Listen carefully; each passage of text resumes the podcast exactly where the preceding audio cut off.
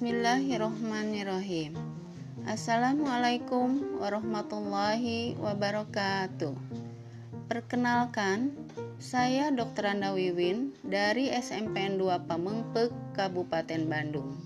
Saya mengajar mata pelajaran Bahasa Indonesia di kelas 8 dan 9. Pada kesempatan ini, saya akan menerangkan materi tentang teks persuasi untuk kelas 8 di semester 2.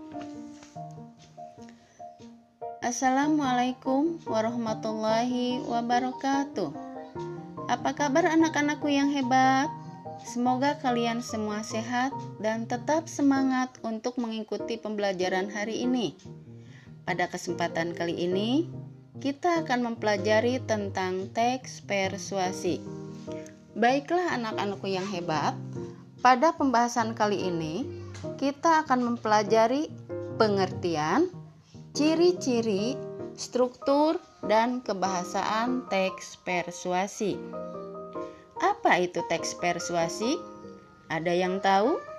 Ya, teks persuasi adalah teks yang berisi ajakan atau bujukan agar pembacanya melakukan atau mengikuti apa yang penulis ungkapkan di dalam teks tersebut. Jadi, teks persuasi bersifat mengajak atau membujuk. Baiklah, selanjutnya ciri-ciri teks persuasi. Ciri-ciri teks persuasi terdiri atas satu Berisi argumen, yakni pendapat beralasan kuat yang disertai data dan fakta. Dua, Menggunakan kata ajakan seperti ayo, mari, lakukanlah, dan sebagainya. Tiga, berusaha meyakinkan, yakni untuk melakukan atau mempercayai yang ditulis oleh penulis. Empat, menghindari konflik, yakni agar kepercayaan pembaca tidak hilang. Nah, itulah ciri-ciri teks persuasi. Selanjutnya, struktur teks persuasi.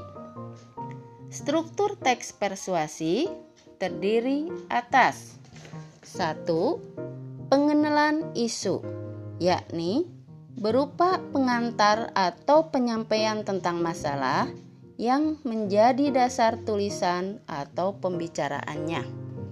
Dua, rangkaian argumen, yakni berupa sejumlah pendapat penulis atau pembicaraannya terkait dengan isu yang dikemukakan pada bagian sebelumnya. Pada bagian ini dikemukakan pula sejumlah fakta yang memperkuat argumen-argumen itu. Tiga, Pernyataan ajakan, yakni berupa kalimat-kalimat dorongan kepada para pembaca untuk melakukan sesuatu. 4. Penegasan kembali, yakni bertujuan untuk memperkuat pernyataan dan argumen-argumen sebelumnya yang biasanya ditandai oleh ungkapan-ungkapan seperti demikianlah, dengan demikian, dan oleh karena itu. Itulah struktur teks persuasi. Mudah-mudahan kalian bisa memahaminya ya. Selanjutnya, Kaidah kebahasaan teks persuasi. Kaidah kebahasaan teks persuasi terdiri atas satu Pernyataan bujukan yakni ditandai dengan pemakaian kata seperti penting, harus, dan sepantasnya. Dua, Kata kerja imperatif yakni ditandai dengan pemakaian kata seperti jadikanlah, sebaiknya, hendaknya, dan waspadalah.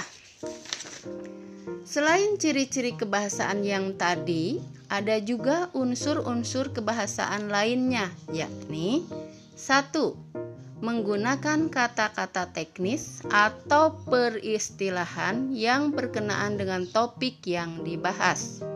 Dua, Menggunaan, menggunakan kata-kata penghubung argumentatif, misalnya jika, sebab, karena, dengan demikian, akibat, dan oleh karena itu.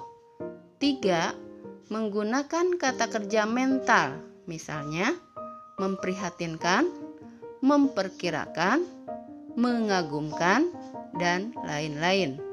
Empat, menggunakan kata perujukan, misalnya berdasarkan data dan merujuk pada pendapat. Demikianlah penjelasan yang bisa Ibu sampaikan. Bagaimana? Apakah kalian sudah paham tentang teks persuasi yang Ibu jelaskan? Jika kalian belum paham, silakan mengulangi sekali lagi podcast ini. Jika kalian sudah paham, alhamdulillah. Sampai jumpa lagi di podcast berikutnya, yaitu tentang menelaah struktur teks persuasi. Wabillahi taufik wal hidayah. Wassalamualaikum warahmatullahi wabarakatuh. You.